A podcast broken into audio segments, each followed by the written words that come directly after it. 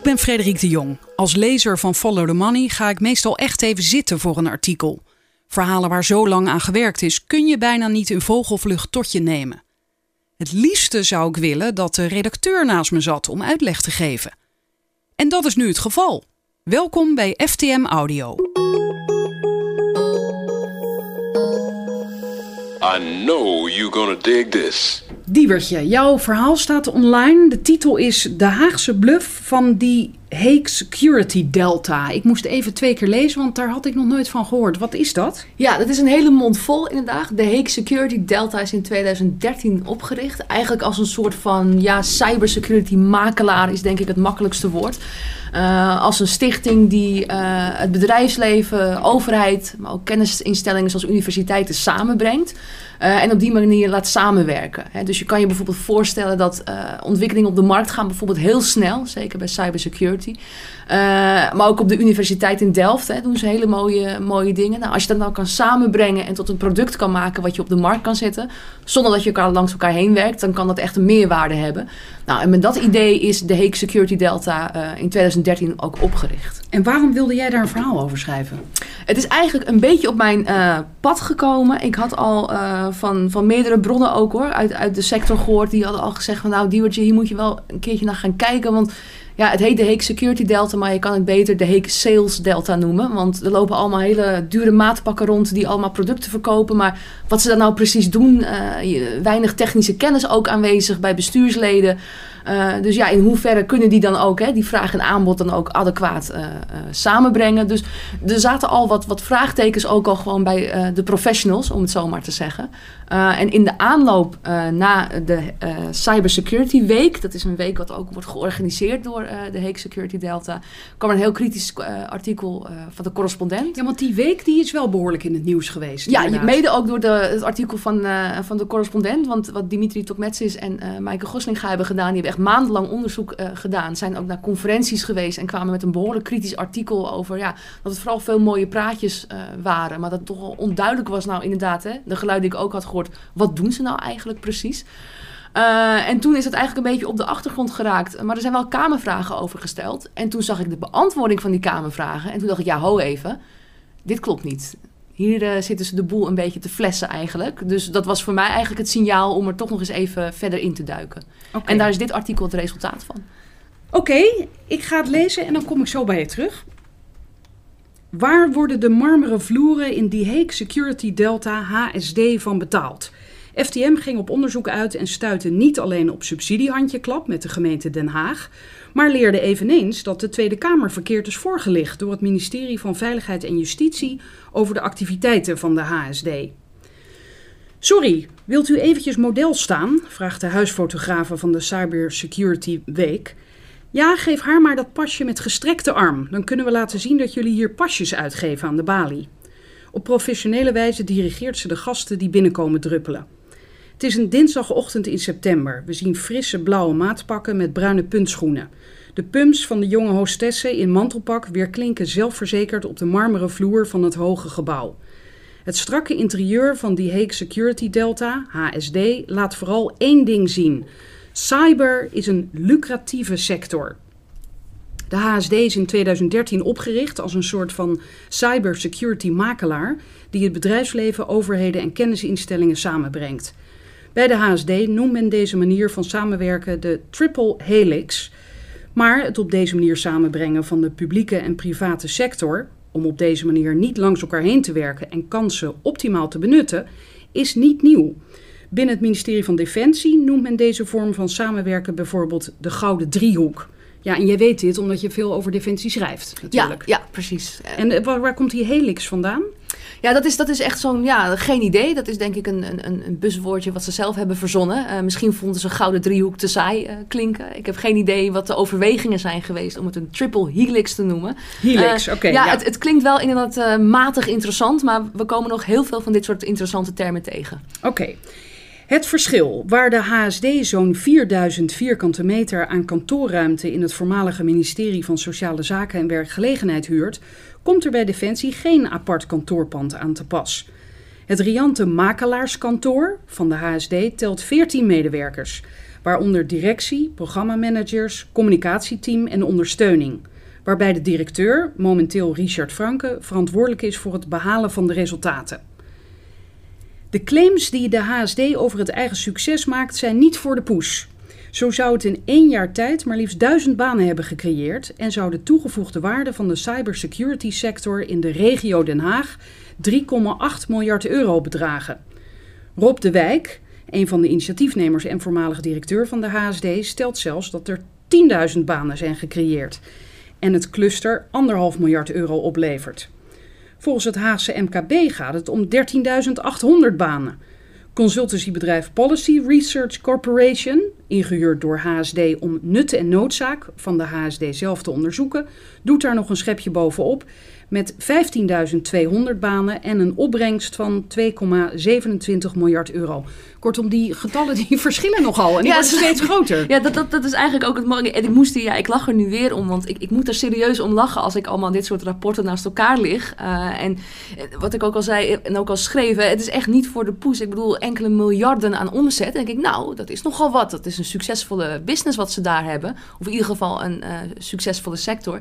Ja, en ook die banen die worden ge- gegenereerd. En als politicoloog vind ik het ook extra interessant. Om, je ziet het ook vaak tijdens verkiezingen, hè, dat eh, politici banen gaan beloven. En, en, terwijl dat altijd heel moeilijk eh, van tevoren te voorspellen is, tenzij je iemand zelf inhuurt. Want het aantal banen gaat natuurlijk van, nou, ja, hangt natuurlijk van meerdere economische factoren aan elkaar vast. Ja, voorspellen is moeilijk, maar achteraf aantonen lijkt me ook behoorlijk moeilijk. Jazeker, en dat is nou, en daar komen we straks in de tekst ook wel, eh, wel uitgebreid denk ik eh, op terug. Dat is nou inderdaad hè, de grote vraag. Dat is eigenlijk ook de- het beginpunt van mijn onderzoek. Dan denk ik van, nou, je hebt al deze claims. Nou, dat zijn nogal bouwde claims om, om te doen. Ze lopen ook nog wel een beetje uiteen. Eh, het lijkt wel alsof ze elkaar ook een beetje overbluffen op een gegeven moment met eh, het aantal banen en, en het aantal omzet.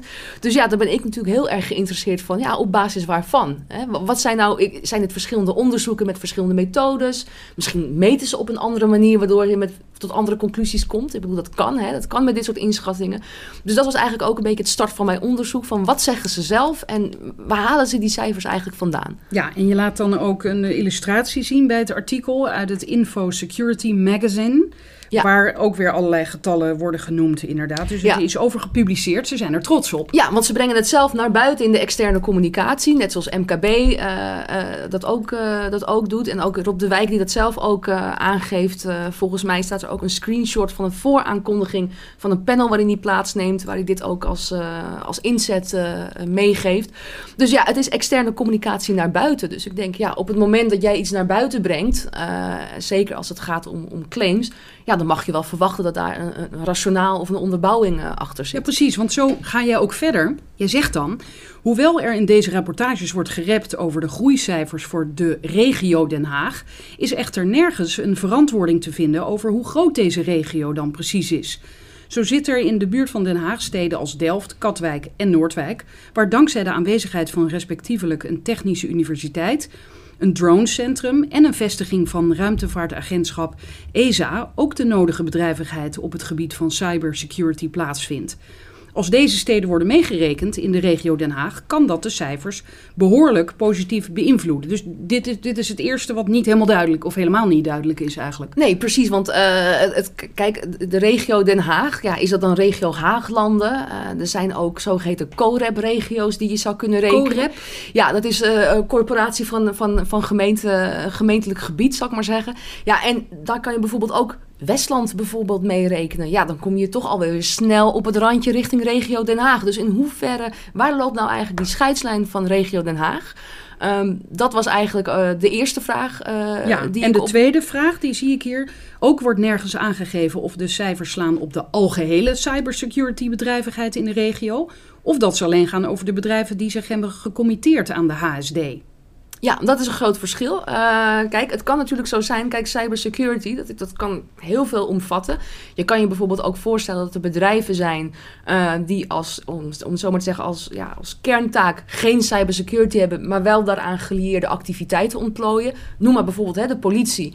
Eh, die zijn niet alleen bezig met cybersecurity, die proberen meerdere vormen van criminaliteit te bestrijden, waarvan cybersecurity er één van is. Ja, ga je dan de hele politie meerekenen als organisatie en iedereen die erbij werkt? Of alleen die agenten die zich bezighouden met cybersecurity. Dus dat is ook nog eens een, wat het heel vaag maakt. Uh, en ook de reden waarom ik mij dat afvroeg is omdat uh, de huidige directeur, Richard Franke, die is directeur van Trigion. Dat is een beveiligingsbedrijf hè, van die mannen met zo'n veetje. Ja, wat hebben die precies met cybersecurity te maken? Hè? Neem je dan alleen... Had hij daar een antwoord op eigenlijk? Ik heb het niet uh, aan hem direct gevraagd of hij daar. Uh, want dat kwam, ja, dat kwam eigenlijk niet ter sprake. Het was eigenlijk wel een goede vraag die ik had kunnen stellen achteraf uh, gezien. Um, maar dat is dus wel ook het, probleem een beetje van HSD. ja, zeker in deze tijd waar alles wel een glasvezelkabel aansluiting, dan wel wifi-aansluiting hebt, wordt het heel erg makkelijk om alles maar onder cyber te laten vallen. En dat is ook een kritiek die je vaak hoort vanuit professionals van ja, cybersecurity, in hoeverre is dat niet gewoon uh, beveiligen van je computers? Is dat niet gewoon informatiebeveiliging? En heb je dan het woord maar dan cyber ga je daar wel terug naar nodig? de basis eigenlijk. Wat is cybersecurity? Nou ja, zeker als het gaat om, uh, om onderzoeken. Kijk, als jij een onderzoek doet, uh, dan moet jij altijd je definitie afbakenen. Dus wat valt er wel onder en wat valt er niet onder? En dat is denk ik wel belangrijk als jij gaat zeggen van wij gaan kijken hoeveel banen uh, er worden gegenereerd hè, dankzij cybersecurity. En dan wil ik A weten van wat is precies cybersecurity? Wanneer spreek je daarvan? En zoals ik ook al zei, reken je de hele politie mee? Of alleen die agenten die zich echt bezighouden met handhaving op het gebied van uh, informatiebeveiliging. Dat is een afweging die je maakt. Uh, ja, en inderdaad ook met die regio van hoe groot, wat is de omvang dan uh, van deze sector in deze regio. En dat is wel heel erg belangrijk, omdat je definitie en de afbakening van je onderzoek bepaalt natuurlijk ook in hele sterke mate je resultaten. En dat is waar mij, uh, bij mij ja, voelsprietjes eigenlijk omhoog gingen. Dat op het moment dat je merkt dat daar vaag over wordt gedaan. En dat een mogelijke hypothese is dat daardoor de conclusie waarschijnlijk heel erg in jouw voordeel gaan uitvallen. Ja, dan gaan bij mij als onderzoeker dan uh, gaan toch wel de nekhaartjes overeind staan. Dus dit was voor jou een heerlijk onderzoek? Ja, het was wel. Het was wel uh, ja, het, ik viel wel van de ene verbazing uh, in de andere. Maar daar komen we later denk ik ook nog wel uitgebreid op terug. Maar dit zijn wel ja, een soort van, van kleine rode vlaggetjes die omhoog gaan als ik onderzoeksrapporten lees. Dan wil ik gewoon een deugdelijke onderbouwing zien van wat is de definitie, wat hebben we onderzocht, hoe hebben we het onderzocht. En ook wat zijn de kanttekeningen die je bij je conclusies plaatst. Dat is ook altijd heel belangrijk. Ja, je zegt hier, je gaat verder met je artikel. Daarnaast is nergens een lijst van bedrijven te vinden die onder deze sector zouden vallen. En op basis waarvan bedrijven wel of niet zijn meegerekend. Dat legde je net uit met het voorbeeld van de politie. Door hier vaag over te doen, lijkt de HSD zichzelf regionale prestaties toe te dichten die niet direct zijn te koppelen aan de eigen activiteiten. Toch komen eerder genoemde claims stevast terug in zowel externe communicatie van de HSD als subsidieaanvragen. Want hè, zo naar buiten communiceren dat je heel goed bezig bent is één ding, dat mogen we allemaal doen. Maar jij koppelt het juist aan het feit dat zij subsidies hebben gekregen. En dan schrijf je ook, en hier wringt de schoen, omdat het lastig is om te reconstrueren wat de HSD precies doet, is het ook moeilijk te zeggen welke resultaten er effectief worden geboekt. Tijdens de eerder genoemde Cybersecurity Week publiceerde de correspondent een kritisch artikel over de opbrengsten van deze Hague Security Delta. Ondanks de 6,5 miljoen euro subsidie, 6,5 miljoen, ja, ik herhaal het even, heeft, die het heeft gekregen, zo schreven de auteurs, zijn de resultaten allesbehalve meetbaar en concreet. Het hele project zou vooral mooie praatjes hebben opgeleverd. De instelling zelf meent een leading security cluster in Europe te zijn, die overheden, ondernemers en kennisinstituten samenbrengt voor innovatie en kennisontwikkeling. Maar op basis waarvan en in vergelijking met wie precies die HSD een leading security cluster in Europe en Den Haag Cyber Capital of Europe kan worden genoemd, is volstrekt onduidelijk. Wanneer Follow the Money aan de gemeente Den Haag vraagt om cijfers die de netto bijdrage van de HSD en daaraan gelieerde bedrijven laten zien, worden we doorverwezen naar het zogeheten raadsinformatiesysteem van de gemeente. Hierin is te zien dat de gemeente zich baseert op de cijfers van de eerder genoemde Policy Research Corporation. Met andere woorden, dezelfde cijfers waar nu juist onduidelijkheid over bestaat. Ja. Kastje, kastje naar de muur. Ja, ja, ik vond het wel heel erg, uh, heel erg grappig inderdaad. Dat ik echt met een omweg... Want ik kreeg ook niet gewoon normaal antwoord. Uh, van, hè, dat, dat, dat, uh, met bijvoorbeeld dit zijn de cijfers en die halen we hier vandaan. Nee, ik moest zelf... Uh, naar een raadsinformatiesysteem gaan met een code. En die moest ik dan intypen. En daar kwam dan een document uit. En daar ergens tussen moest ik dan de rationaal zelf maar eruit halen van de gemeente Den Haag. Dus ik vond dat een vrij uh, bijzondere manier om de pers te woord te staan al sowieso. Ja, maar jij liet je niet weerhouden. Je ging door. Eh, eens even kijken, waar ben ik gebleven? Eh, niet alleen in de cijfers over de economische meerwaarde die de HSD zou hebben, is dergelijke grootspraak terug te vinden. Zo is op een van de muren in het kantoor een schildering aangebracht van de bedrijven die er zich deels hebben gevestigd of die verbonden zijn aan de HSD. Zo wordt tijdens één bezoek geschermd met de Belastingdienst. Navraag bij de Belastingdienst leert echter dat zij niemand hebben gedetacheerd of überhaupt hebben rondlopen bij de HSD. En dat de fiscus ook geen gebruik maakt van de kantoorruimte al daar. Kende zij de instantie wel? Of? Nou, dit is ook weer zoiets waar ik eigenlijk wel een beetje om moet... Ja, het, een beetje hallucinant, dat woord komt een beetje bij me naar voren. Er staat inderdaad een, een, vrij grote schildering... en de Belastingdienst werd er echt uitgehaald van... Hè, dit is ook een van de partners, hoe goed ze wel niet bezig zijn. Dat zelfs ook de Belastingdienst... Nou, en dan bel je vervolgens eh, woordvoerder van de Belastingdienst... en die zat ook van... eh, het wat zegt u? Het HS... Wat, wat is dat precies? Dus ik moest ook eerst uitleggen aan die woordvoerder wat dat dan was. Eh, en ja, die waren natuurlijk eh, not amused. Want ja, zij, hun naam wordt gebruikt eh, door een instelling... waarvan zij niet Ja. weten waar ze iets mee te maken hebben. En die woordvoerder zei ook tegen mij van... ja, natuurlijk, ik sluit niet uit dat er inderdaad... Hè, dat je wel eens Ze kunnen niks aanschuift bij een... Nee, tegenwoordig, maar dat je wel eens aanschuift bij een vergadering... of dat er misschien een medewerker van ons... hij zegt, dat kan ik natuurlijk niet zo zeggen. Maar hij heeft inderdaad voor mij gecontroleerd... wie welke pasjes heeft en wie welke ingang heeft... en wie van welke kantoorruimtes eh, gebruik maken. En daar staat gewoon eh, een kantoorruimte bij eh, het HSD gewoon niet tussen.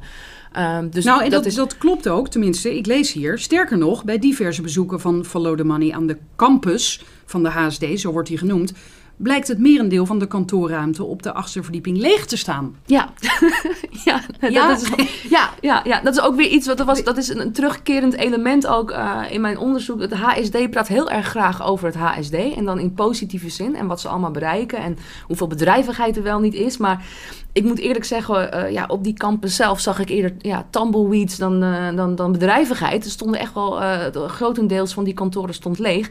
En niet op één moment, maar ook op meerdere momenten. Eh, mij werd verteld in december, ja, dat komt omdat in januari eh, weer nieuwe mensen allemaal komen. En dan komt, zouden weer een heel blik nieuw jonkies eh, worden opengetrokken. Maar ja, ik heb natuurlijk ook eh, even nagevraagd bij eh, onze collega's van de correspondent... die ook eh, tijdens hun onderzoek in die maanden in de eerdere periode er ook al vaker zijn geweest. En die deelden mijn observatie. En ook bij een paar ondernemers die er tijdelijk hebben gezeten... eh, die hadden ook die observatie dat het gewoon grotendeels toch wel leeg staat. Ja, en dan, dan wordt het toch wel een beetje lastig om vol te houden dat de campus overvol zit. Aangezien de HSD stevast in subsidieaanvragen, maar ook in de verantwoording van reeds verkregen subsidies het eigen succes uitvergroot en zelfs andermans successen claimt, kan dergelijke grootspraak worden gezien als een succesvolle tactiek om geld aan te trekken of subsidiegeld. De methodologische onderbouwing van de economische meerwaarde is lastig te traceren, maar de verkregen subsidies door de HSD zijn dat gedeeltelijk wel. Om zicht te krijgen op wat de HSD effectief doet met publieke gelden, zette Follow the Money aanvullende subsidies, subsidies die dus bovenop de standaard 1 miljoen euro per jaar vanuit de gemeente Den Haag worden verstrekt, op een rij. We vergeleken gedane claims op de eigen sites en in de media, op basis waarvan deze subsidies zijn verkregen, met de ervaringen van diverse ondernemers op de campus en andere publiek beschikbare informatie. Nou, dan zie ik een staatje weer met allerlei getallen. Eh, bijvoorbeeld, eh, de, eh, een re- één reden voor subsidieaanvraag was eh, een ruimtelijke economische investeringsstrategie, projecten HSD Campus. Oh, uitbreiding van de campus Ja, staat dat hier. is een mooie inderdaad. Daar is eh, 3 miljoen voor gegeven. Ja, nou dat vind ik dus een dat van is de... die lege campus. Ja, dat is, dat is ook echt. Dat, feitelijk is hier dus gewoon subsidie aangevraagd op lege ruimte. Als je een campus hebt die grotendeels van de tijd al leeg staat. En je gaat vervolgens subsidiegeld vragen en krijgen om het uit te breiden. Ik denk niet dat het daardoor voller wordt. Ehm, Nee. Dus er wordt feitelijk gewoon, eh, gewoon ja, subsidie aangevraagd op een lege ruimte. En het- ook het pand waar ze zitten, ja, dat is niet echt gratis. Het is een vrij, eh, toch wel een, een A-plek in Den Haag. Het zit naast het naam van Nieuw-Oost-Indië. Het is het voormalig eh, gebouw van het ministerie van Sociale Zaken. Eh, dat kost nogal wat per maand ook. Eh, dus de vraag is eigenlijk van... van Oh ja, dat gebouw. Dat, ja, Ja, daar loop je ja. langs als je uit het centraal komt. Precies, ja, precies. mooi gebouw. Ja, het is een mooi gebouw, goed te bereiken, zowel via openbaar vervoer als, eh, als auto. Dus ja, dan is de vraag van waarom heb je die 3,1 miljoen nodig om zogenaamd de campus uit te breiden, die nu al voor een eh, groot deel van de tijd eh, ja, niet helemaal optimaal bezet is, om het maar even voorzichtig uit te drukken. Ja, eh, nou, jij ging natuurlijk verder met je onderzoek. En je schrijft dan, hoewel de HSD naar eigen zeggen miljarden genereert en duizenden banen creëert, heeft dit de gemeente Den Haag er niet van weerhouden om 3,1 miljoen euro subsidie te verstrekken voor uitbreiding van de campus, vertel je net. En dat laatste is opvallend aangezien de bouwde claims over het succes van de HSD en de regionale cybersecurity sector ten spijt het overgrote deel van de huidige campus leeg staat. Op de vraag van FTM aan gemeente Den Haag wat de overwegingen zijn om subsidie te verstrekken aan een private partij die blijkbaar uit zijn jasje groeit en dergelijke omzetten genereert, volgt er geen concreet antwoord. De gemeente verwijst opnieuw naar de groeicijfers op basis van eerder genoemde onderzoek van de Policy Research Corporation. Ja, dat is ook die druk, hè? Ja. Ja, op vragen waarom een blijkbaar goedlopende en lucratieve sector subsidie nodig heeft, verwijst de gemeente Den Haag FTM dus slechts door naar rapporten waaruit blijkt dat het een goedlopende en lucratieve sector is. Ja, ja, oké. Nou, dan gaan we verder. Dan de tweede subsidieaanvraag ter ondersteuning van de zogeheten living labs. Levende laboratoria zijn dat? Ja, als je het letterlijk vertaalt wel. Eh, en dit is ook weer zo eentje, net zoals bijvoorbeeld het eh, Triple Helix, Leading Security Cluster in Europe, eh, Living Labs. Het zijn allemaal hele mooie buswoorden, maar wat ze nou effectief precies betekenen is, is, is lastig te zeggen.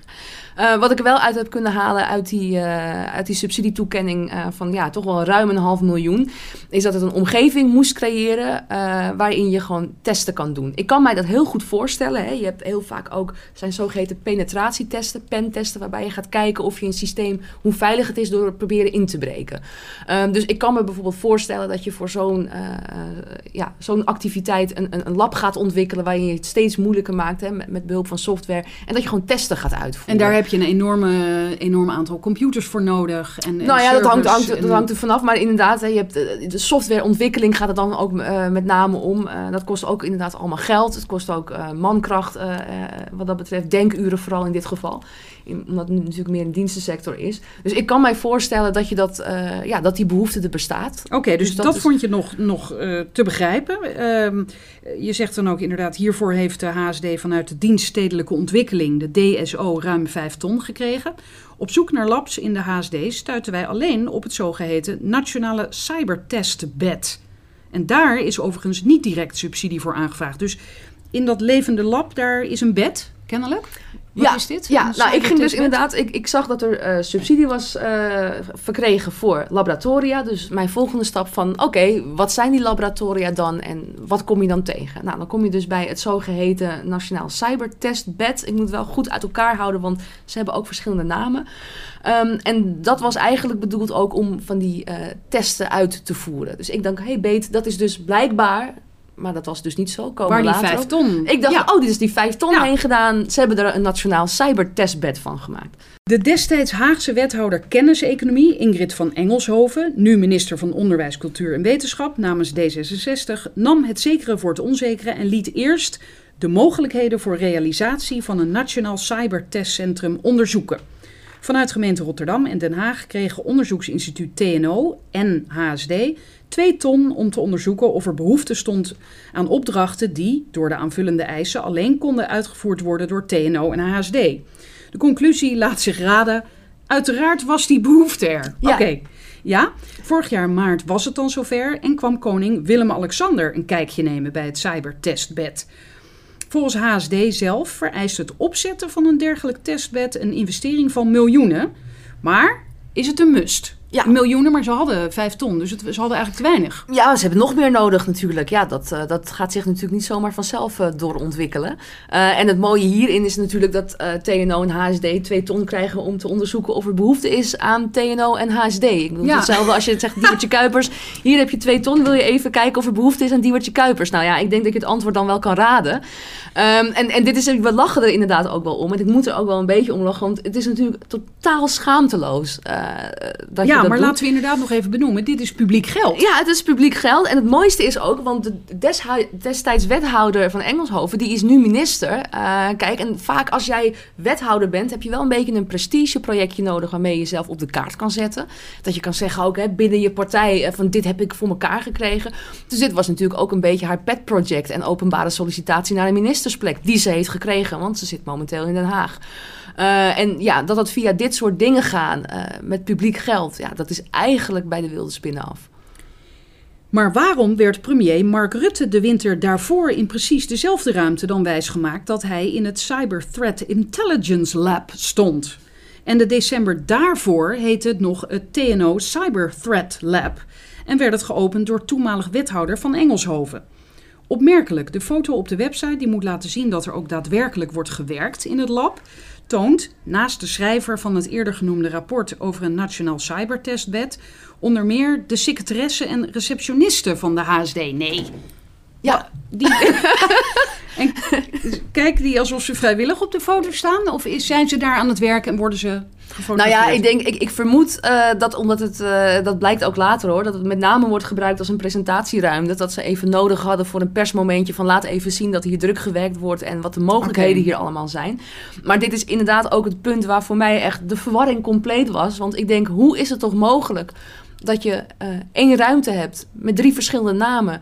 Ehm, Die drie keer opnieuw feestelijk is geopend, kennelijk. ja, geopend of gepresenteerd aan bezoek. Hè, van dit is eh, wat wij hier hebben en wat, wat we hier allemaal eh, kunnen regelen. En ja, ik denk van wat, wat, wat is hier in godsnaam aan de hand? Want het is toch echt wel duidelijk dezelfde ruimte. Hoewel het aankleden van een presentatieruimte voor hooggeëerd bezoek wel vaker gebeurt en het niet gek is dat labs in een cyberdelta virtueel zijn, is het nog maar de vraag of dit gepaard hoort te gaan met de claim dat het aparte fysieke labs betreft die een unieke omgeving vormen waar subsidie op wordt aangevraagd.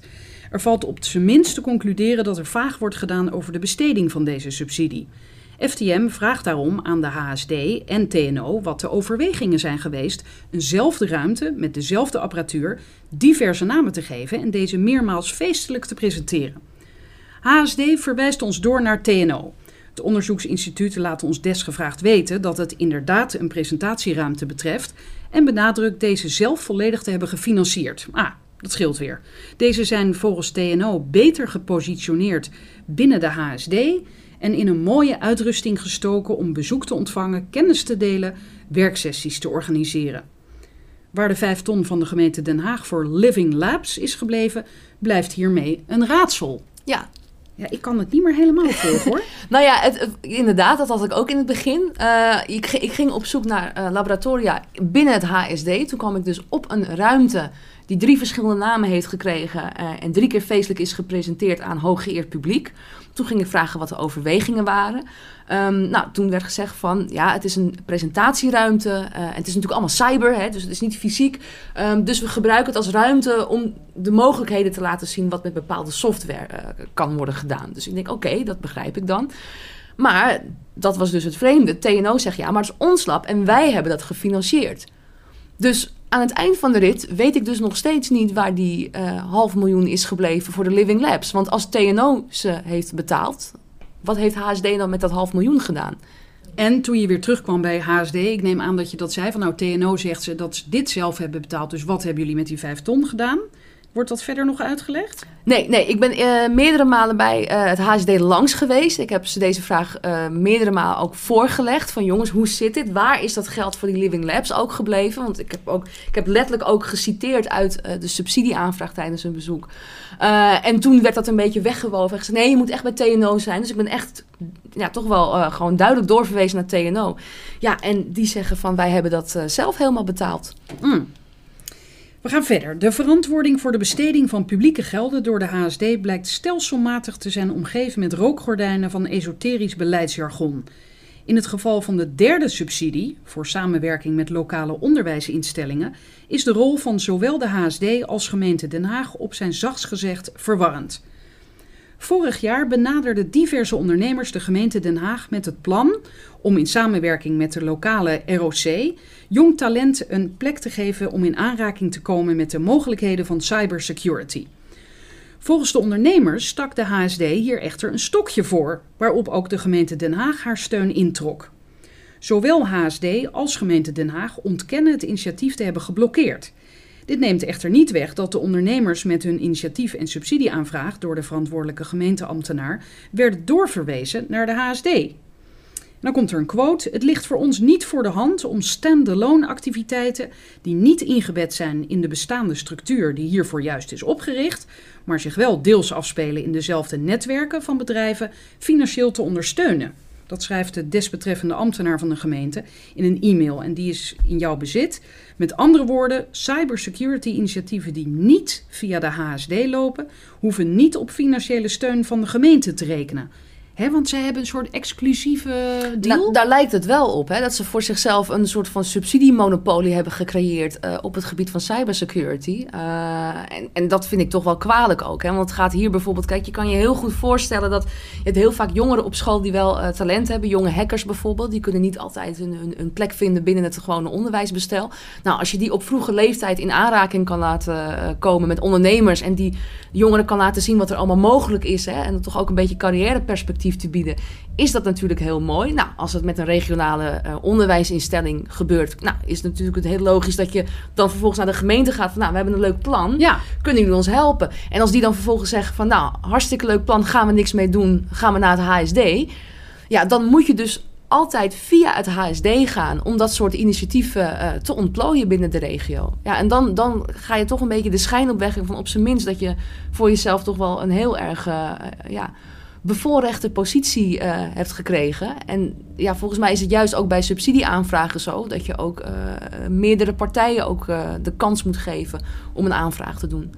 Hoor je ook die houseparty boven ja. ons hoofd? ik hoop even niet dat dit in de opname zit, maar dat horen we straks.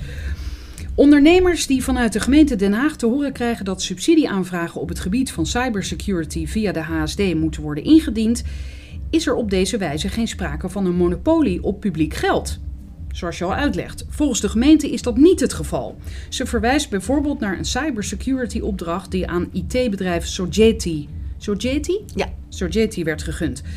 Sogeti is geen HSD-partner. Echter, het uitvoeren van een opdracht voor de gemeente als instelling is niet hetzelfde als subsidieaanvragen voor een cybersecurity-initiatief buiten de HSD om.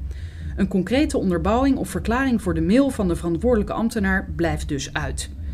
Hoe het ook zij, feit blijft dat de HSD in samenwerking met het ROC Mondriaan en de Haagse Hogeschool vervolgens op een haast identiek plan subsidie heeft aangevraagd en gekregen. De betreffende ondernemers met het originele plan werden hier buiten gelaten. De HSD verklaart hier financieel verder geen baat bij te hebben en bij te dragen in natura door middel van ureninzet in kind ja. Wat is dit? Ja, ik dacht eerst dat het per kind was, maar het bleek dus in kind te zijn. En dat, uh, dat, dat uh, is als, als volgt uitgelegd. Het staat ook overigens in de, in de uitgebreide reactie die onder het artikel staat van uh, zowel HSD als Den Haag. Um, waarin het feit gaat dat een adviseur uh, in kind wordt geleverd uh, aan het ROC. Dus dat het HSD dus uh, eigenlijk bijdraagt, niet zozeer financieel, maar eerder in manuren, zal ik maar zeggen. Ja, en ja. hun eigen manuren, zal ik maar zeggen, on, opoffert aan dat project. En op die manier is het in natura. En dat wordt naar draagkracht gedaan in de zin van hoeveel kinderen er in het project zitten. Oké, okay, en dan staat erachter, toch wordt dit initiatief breed uitgemeten als wederom een succesverhaal dat kan worden bijgeschreven op konto van HSD. Ja, ja. Dus eigenlijk wat je hier ziet is dat uh, ondernemers hadden een, een, een, initiatief, hadden een plan. Nou, dat, dat, uh, dat, moest via, dat moest via het HSD gaan. Uh, vervolgens heeft het HSD zelf een identiek plan ingediend en gekregen. En die mogen dat vervolgens uitvoeren. En die claimen dat natuurlijk als groot succes van ja, ja dat noemen ze dan access for talent. Dat is dan ook weer zo'n zo'n buswoord. Wat gewoon eigenlijk gewoon feitelijk betekent dat je gewoon ook met jongeren in aanraking laat komen met je sector. Maar dat heet dan access to talent. Um, en die meten dat ook heel erg breed uit in hun eigen communicatie. Van kijk, zo goed we bezig zijn, ook met lokale scholen. En we zijn ook bezig met de volgende goed, generatie. Dat is ook goed. Met dat plan is zeker helemaal uh, niets mis. Maar ik kan mij voorstellen dat de ondernemers tegen de borst uit. Dat ze zeggen, ja, dan hebben we een leuk idee. Dan krijgen we bij de gemeente horen van nee, dat moet je via het HSD doen. En vervolgens gaan zij met het plan aan de haal en laten ze jou in de kou staan. En daar sta je dan met je plan. Ja, dat is, dat, ik, ik kan mij voorstellen dat Ja. dat frustratie eh, opwekt. Ja, en schrijf je, dit voorbeeld staat niet op zichzelf. Meerdere ondernemers vertellen FTM dat het ondernemers in de cybersecurity haast onmogelijk wordt gemaakt om buiten de HSD subsidie aan te vragen bij de gemeente. Initiatieven worden geblokkeerd indien ze niet worden ondergebracht bij de HSD, waardoor ondernemers ervoor moeten kiezen om hun initiatief elders te ontplooien of alsnog zich aan te sluiten bij de HSD.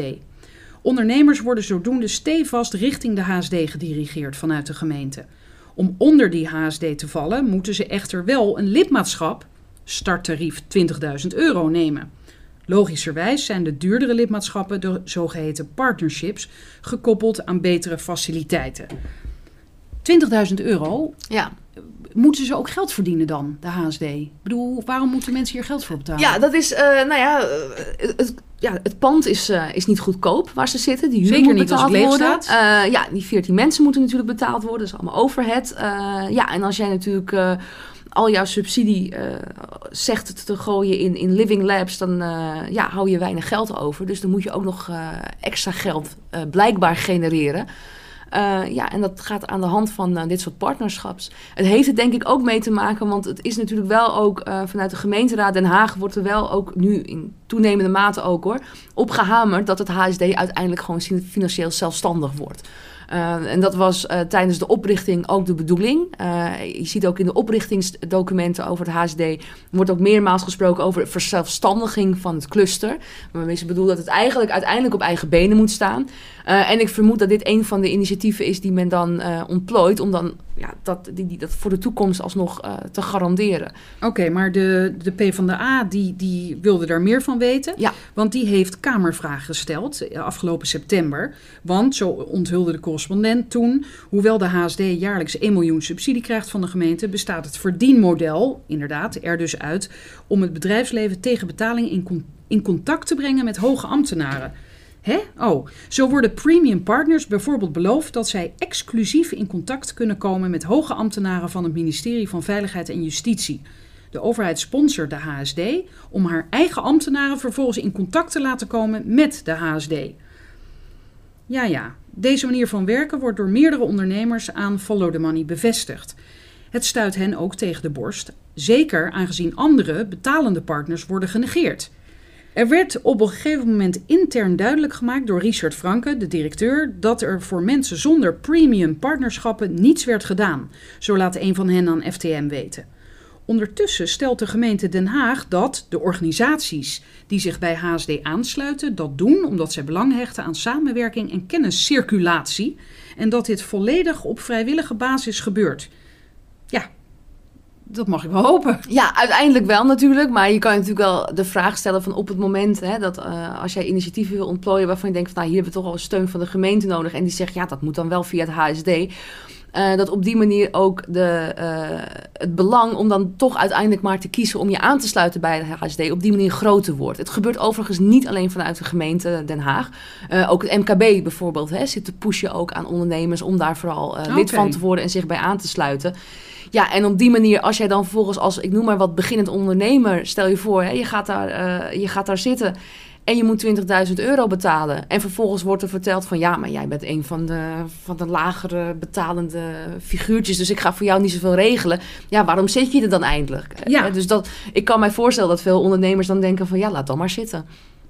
Toenmalig minister Stef Blok van het ministerie van Veiligheid en Justitie reageerde afgelopen oktober in reactie op die eerder genoemde Kamervragen. Blok ontkende dat er vanuit HSD actief contacten met hoge ambtenaren werden geregeld. Alle contacten zouden ad hoc zijn. Uit een mailwisseling tussen de HSD en diverse ondernemers in het bezit van Follow the Money blijkt echter dat deze bewering feitelijk onjuist is. In de mail legt een van de ondernemers feitelijk een boodschappenlijstje neer. We willen onder andere graag spreken met de Kamercommissie voor Veiligheid en Justitie, de staatssecretaris voor Veiligheid en Justitie, ambtenaar overleg ministeries in zaken responsible disclosure, zo is te lezen. Uit vervolgcorrespondentie blijkt dat het mailtje vervolgens intern is uitgezet met het verzoek deze contacten te regelen. In een handout die wordt rondgedeeld aan ondernemers is verder te lezen wat de voordelen zijn van een premium lidmaatschap.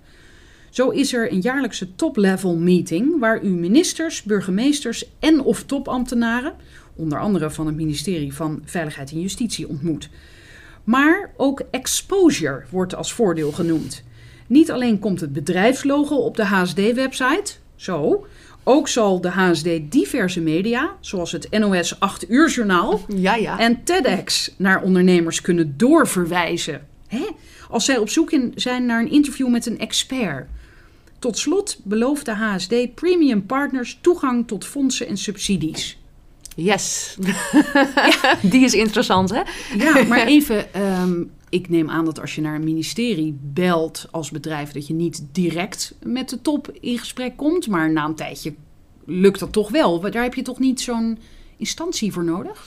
Ja, dat hangt er vanaf. En ik denk dat het ook eh, met name hier is, eh, ja, als het, ja, het, het, zeker voor bijvoorbeeld beginnende, beginnende ondernemers, eh, kan dat natuurlijk wel een hele interessante belofte zijn. Hè? Van we brengen je in contact met, eh, met de staatssecretaris. Als je dat gewoon even neer kan zetten Ja, van zo regel ja. dat eventjes voor mij. Ja, dan is dat natuurlijk hartstikke mooi. Eh, het punt hier natuurlijk is dat eh Stef Blok, eh, destijds minister van eh VNJ, heeft gezegd van ah, die contacten zijn ad hoc. Nou, als ze ad hoc zijn, waarom heb je dan een menukaartje waarin ondernemers zelf kunnen lezen wat de voordelen zijn van het lidmaatschap? Is Want- dit die menukaart die ik Ja. hier zie op de site? Ja, die hebben we ook op de site ja, inderdaad, eh, gepubliceerd. Dat is gewoon een af te nemen dienst. Jij, jij betaalt iets en je krijgt vervolgens een menukaartje waar je uit kan kiezen. Eh, als ik naar een restaurant ga en ik zeg van ik wil graag menu B... Ja, dan ga je mij niet wijsmaken eh, dat dat een ad hoc menu is wat een ad hoc contact is. Nee, dat is gewoon een aangeboden dienst. Eh, waar je gewoon eh, wat je kan afnemen daar bij de HSD. Waar ze zelf ook actief mee eh, adverteren onder ondernemers.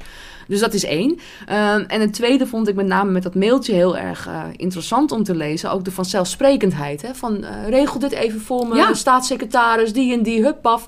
Dus dat, dat geeft ook aan, denk ik, wat voor verwachtingspatroon er is gecreëerd door het HSD bij ondernemers. Want je gaat niet zo'n ja, zo'n boodschappenlijstje neerleggen. Als jij weet dat die contacten puur toevallig en ad hoc zijn. En dat, het maar, ja, dat je maar een beetje geluk moet hebben. Dan ga je niet met zo'n vanzelfsprekendheid eh, dat mede, lijkt mij. Nee. De nevelen waarin besteding van subsidiegelden zijn gehuld en tegelijkertijd de belofte van de HSD om premium partners te helpen toegang tot gemeentesubsidies te verkrijgen is wrang. Dit geldt zeker met het oog op het onderzoek van de Rekenkamer van Den Haag, waaruit bleek dat de gemeente Den Haag in veel gevallen onvoldoende objectief en transparant is met het verdelen van subsidies. Hierdoor hebben niet alle belanghebbenden gelijke mogelijkheden om subsidies aan te vragen en of te ontvangen. Ook zijn de afwegingen om subsidie te verstrekken niet goed onderbouwd en kan de gemeenteraad haar controlerende taak niet goed uitoefenen omdat het subsidieregister geen volledig en juist overzicht verschaft. Het FTM-onderzoek onderstreept de conclusies van de Haagse Rekenkamer. Na herhaaldelijke contacten met zowel de gemeente Den Haag als de HSD, het lezen van openbare rapporten, subsidieaanvragen en persberichten, tasten wij volledig in het duister over zowel de exacte besteding van subsidiegelden als de netto bijdrage van de HSD. De communicatie van de HSD op de website en de te downloaden rapporten roepen meer vragen op dan ze beantwoorden. Navraag bij zowel de gemeente Den Haag als de HSD resulteert in een hoop voorgekookte beleidstaal, maar concrete antwoorden blijven uit. Raakt jij niet volledig gefrustreerd? nou ja, ik moest wel. Ik, ja, ik, ik moet hier altijd heel erg om lachen. Ik vind het altijd heel erg mooi als je bijvoorbeeld vraagt van. Ik noem maar wat aan de gemeente van. Nou, jongens, wat is nou de netto bijdrage van het HSD? Dus ik begrijp dat er zoveel mensen zijn die in de cybersecurity werkzaam zijn. Ik begrijp dat er zoveel omzet wordt gegenereerd als je al die bedrijven bij elkaar optelt.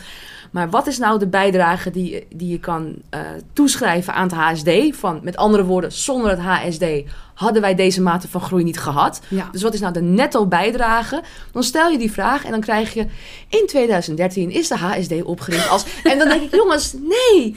Maar ik, ik snap dat ook niet van woordvoerders soms, hoor. Dan denk ik van... Dat, het is bijna ook, denk ik, een, een, een belediging van, van, van, van de intelligentie. Dat ik denk van...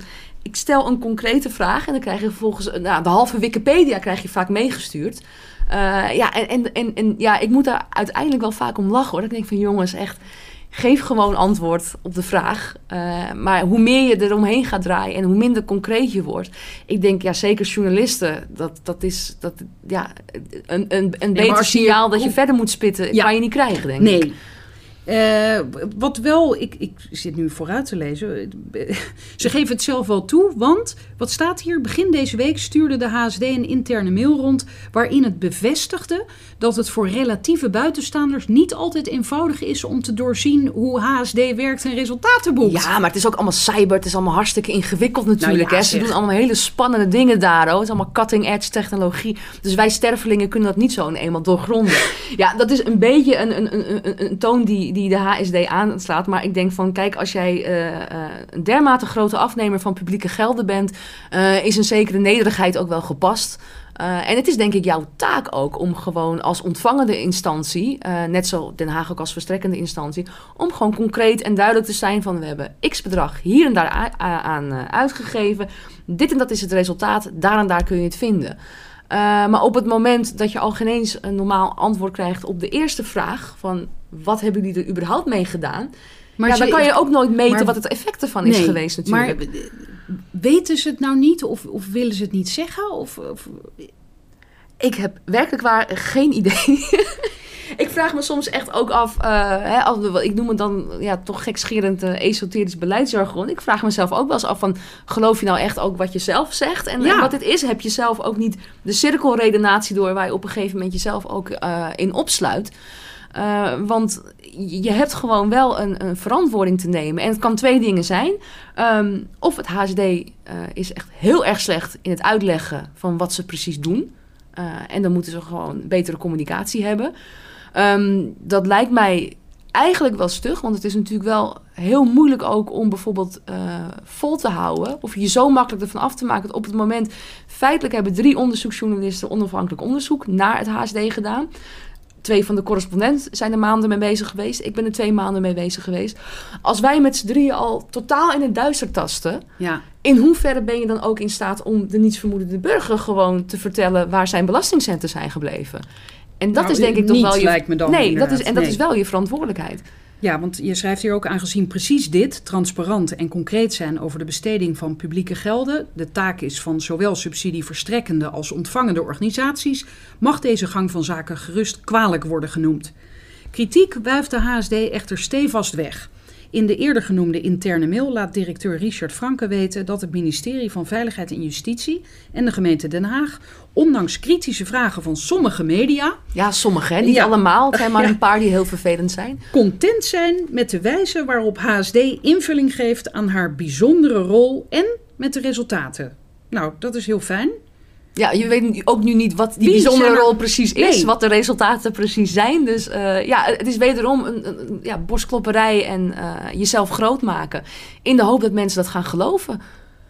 Nou is cybersecurity eh, wel een, een hot item. Eh, daarom was die week er ook. Ja. Eh, daar eindig je je artikel ook mee. Daarnaast, zo werd het beargumenteerd door de HSD, onder meer in NRC, kwamen er tijdens de Cybersecurity Week en internationale congressen allemaal mensen naar Den Haag die moeten eten en slapen.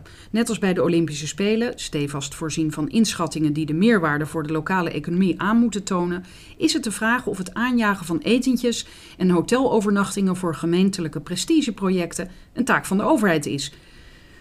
Dus eigenlijk zeg jij hier het enige waarvan ik dan denk, nou ja, oké, dat kost geld en daar hebben ze iets aan uitgegeven. Dat zou ik nog wel acceptabel vinden, maar daar ben je ook kritisch over. Ja, nee, zeker. Kom, je, kan, je kan niet bijvoorbeeld, als ik jou bijvoorbeeld geld geef eh, om iets te ontwikkelen en je zegt vervolgens, nou, ik heb een, eh, een workshop gehouden en je gaat het niet hebben over de workshop zelf. Wat je daaruit gehaald? Je gaat zeggen nee, want voor die workshop moesten allemaal mensen eten en drinken. nou, en dan komt toch weer het restaurant weer een paar extra uren draaien.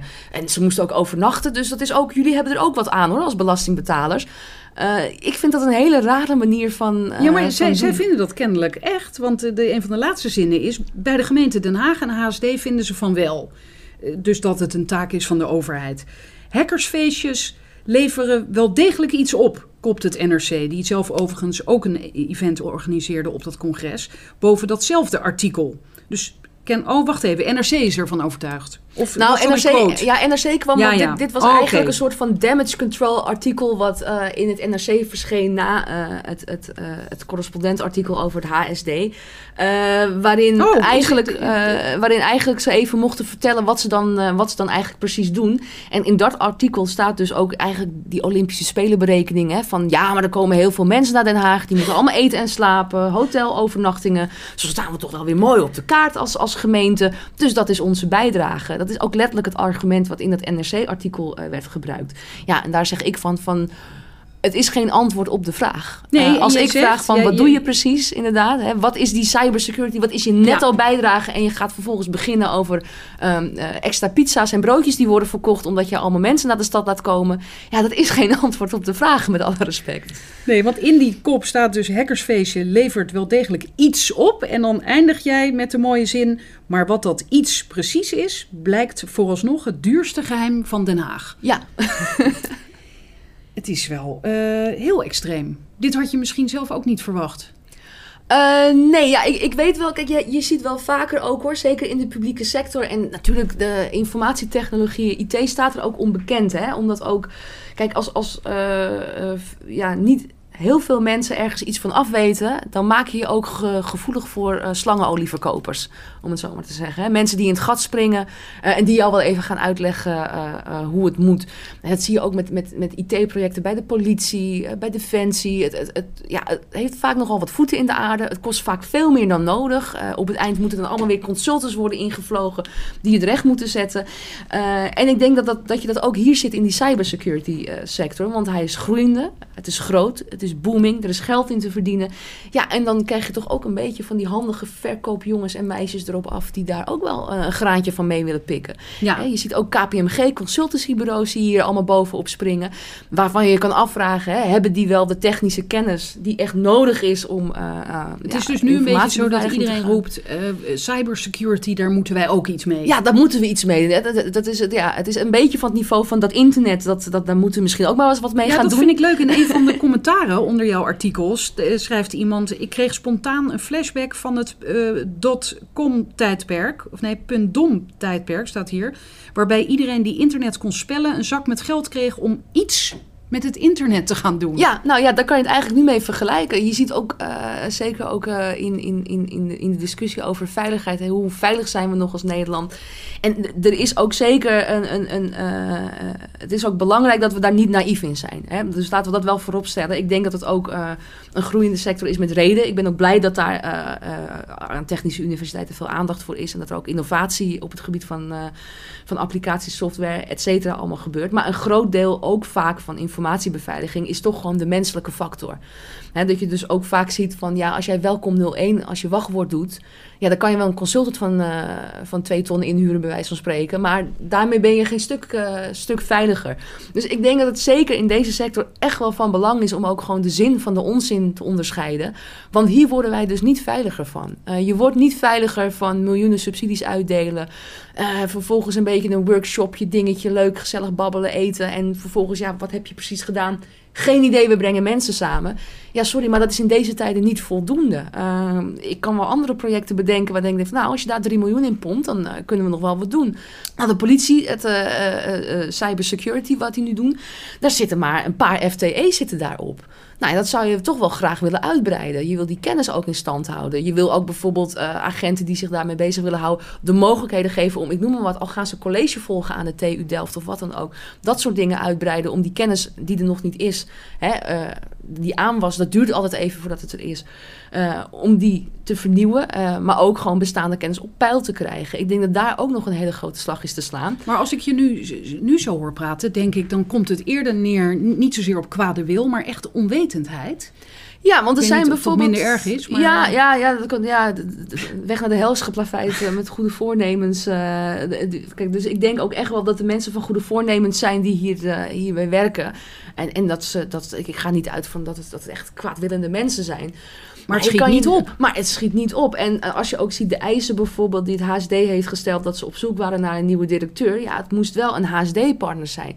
Nou, ik ken bijvoorbeeld ook nog wel andere mensen, kan ik me voorstellen. Bijvoorbeeld hè, een, een, een oud-CEO van het Rijk, eh, een oud-directeur van het Nationaal eh, Cybersecurity Centrum. Allemaal hele adequate mensen, maar die komen niet in aanmerking omdat ze geen bedrijf zijn wat HSD-partner is.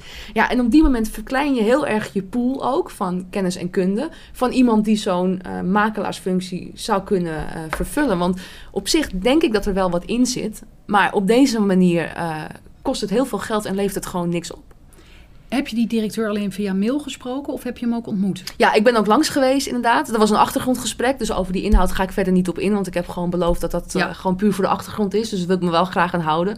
Maar ik, ik vond het inderdaad ook, eh, ook een goed idee om daar gewoon even langs te gaan. En, en te praten met de mensen en even rond te kijken eh, hoe het er daaraan aan toe gaat.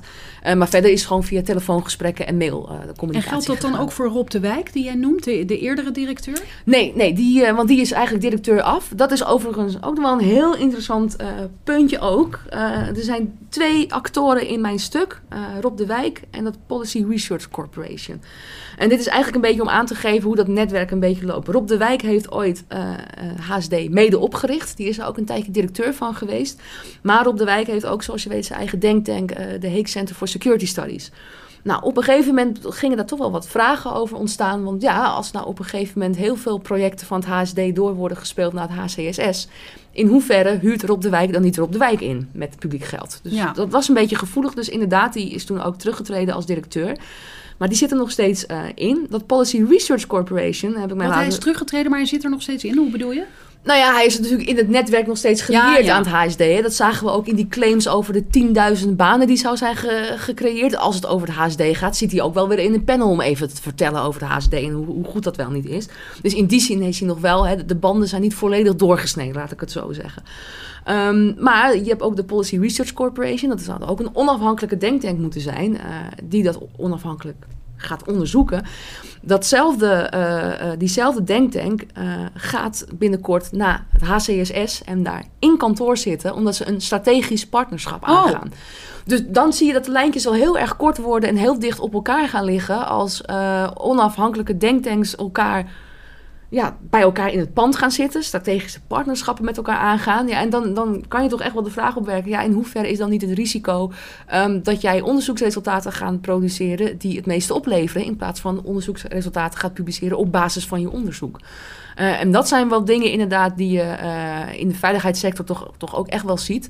En ook wel iets wat wat mij betreft ook het onderzoeken meer waard is. Eh, ja, wordt dit die- jouw volgende verhaal dan? eh, ja, ik ben in ieder geval wel bezig ook om, om, om dat verder in kaart te brengen. Hoe dat helemaal zit met, eh, met, met denktanks. Ook Klingendaal is daar ook één van. Hè? Want HCSS is natuurlijk als zo'n denktank voor de veiligheid... moest gaan concurreren met Klingendaal. Maar ja, we zien nu dat Klingendaal en HCSS samen de strategische monitor schrijven. Dus waar is die concurrentie dan gebleven? En dan gaat het ook met een concurrentie op ideeën. Hè? In hoeverre bestaat er niet het gevaar dat je uiteindelijk toch weer gewoon hetzelfde gaat herkauwen? Waarvoor, waarvan Rob de Wijk juist jaren geleden heeft gezegd van ja, dit kan zo niet langer. Er, er is ook, eh, er zijn ook nieuwe spelers op de, op de kennismarkt nodig wat dat betreft. Dus dat vind ik wel zeker interessant eh, om dat in kaart te brengen. Zeker omdat je ook merkt dat de controle daarop, die is ook vanuit de Tweede Kamer of vanuit de politiek. Dat is ook denk ik niet zo interessant. Misschien is het ook geen sexy onderwerp om te kijken van hoe zitten die denktanks nou precies in elkaar. Ehm, maar ja, ik, ik, vind het, ik vind het in ieder geval wel heel bijzonder ook om te zien, eh, zeker ook vanuit de gemeente Den Haag hoor, dat ik heb het idee ook zeker bij de HSD, dat was een project dat moest slagen. Het is echt een prestigeproject. Je leest het ook in de subsidieaanvragen van Den Haag, een Global City of Justice. En ook weer zo, ja, het gaat allemaal in het Engels hè, in Den Haag. Ik, ik weet ook niet waarom dat eh, precies is. Maar dat vinden ze zelf heel interessant klinken. Ehm, dus je, je ziet ook gewoon het, zichzelf op de kaart willen zetten. En, en, en HSD is daar dan één van. En het is een soort van Napoleon die zichzelf kroont. Hè? We zijn, wij zijn leading cyber security cluster of Europe. En dan vraag ik me af van, nou, zit er dan eentje in Berlijn of Brussel? En hoe concurreren jullie dan met elkaar? Dus ja, dat zijn wel hele interessante dingen. Maar wat je dan wel merkt bij politici en bestuurders... van op het moment dat jij je hebt gecommitteerd aan eh, een project zoals het HSD... en je doet dat heel lang en je doet het met heel veel geld... dan wordt het belang om toe te geven dat het misschien niet zo'n goed idee is... wordt steeds kleiner. Want wat je dan gaat doen op het moment dat eh, de gemeente eh, Den Haag nu gaat zeggen van... oké jongens, we gaan even met de stofkan doorheen...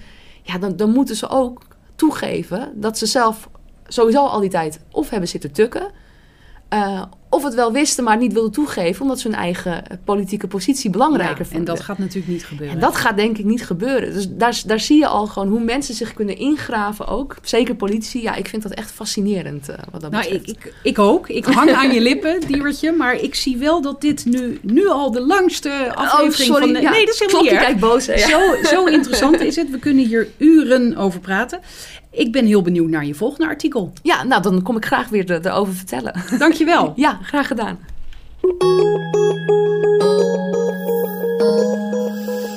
Tot zover FTM Audio. Ga voor meer geschreven verhalen naar ftm.nl.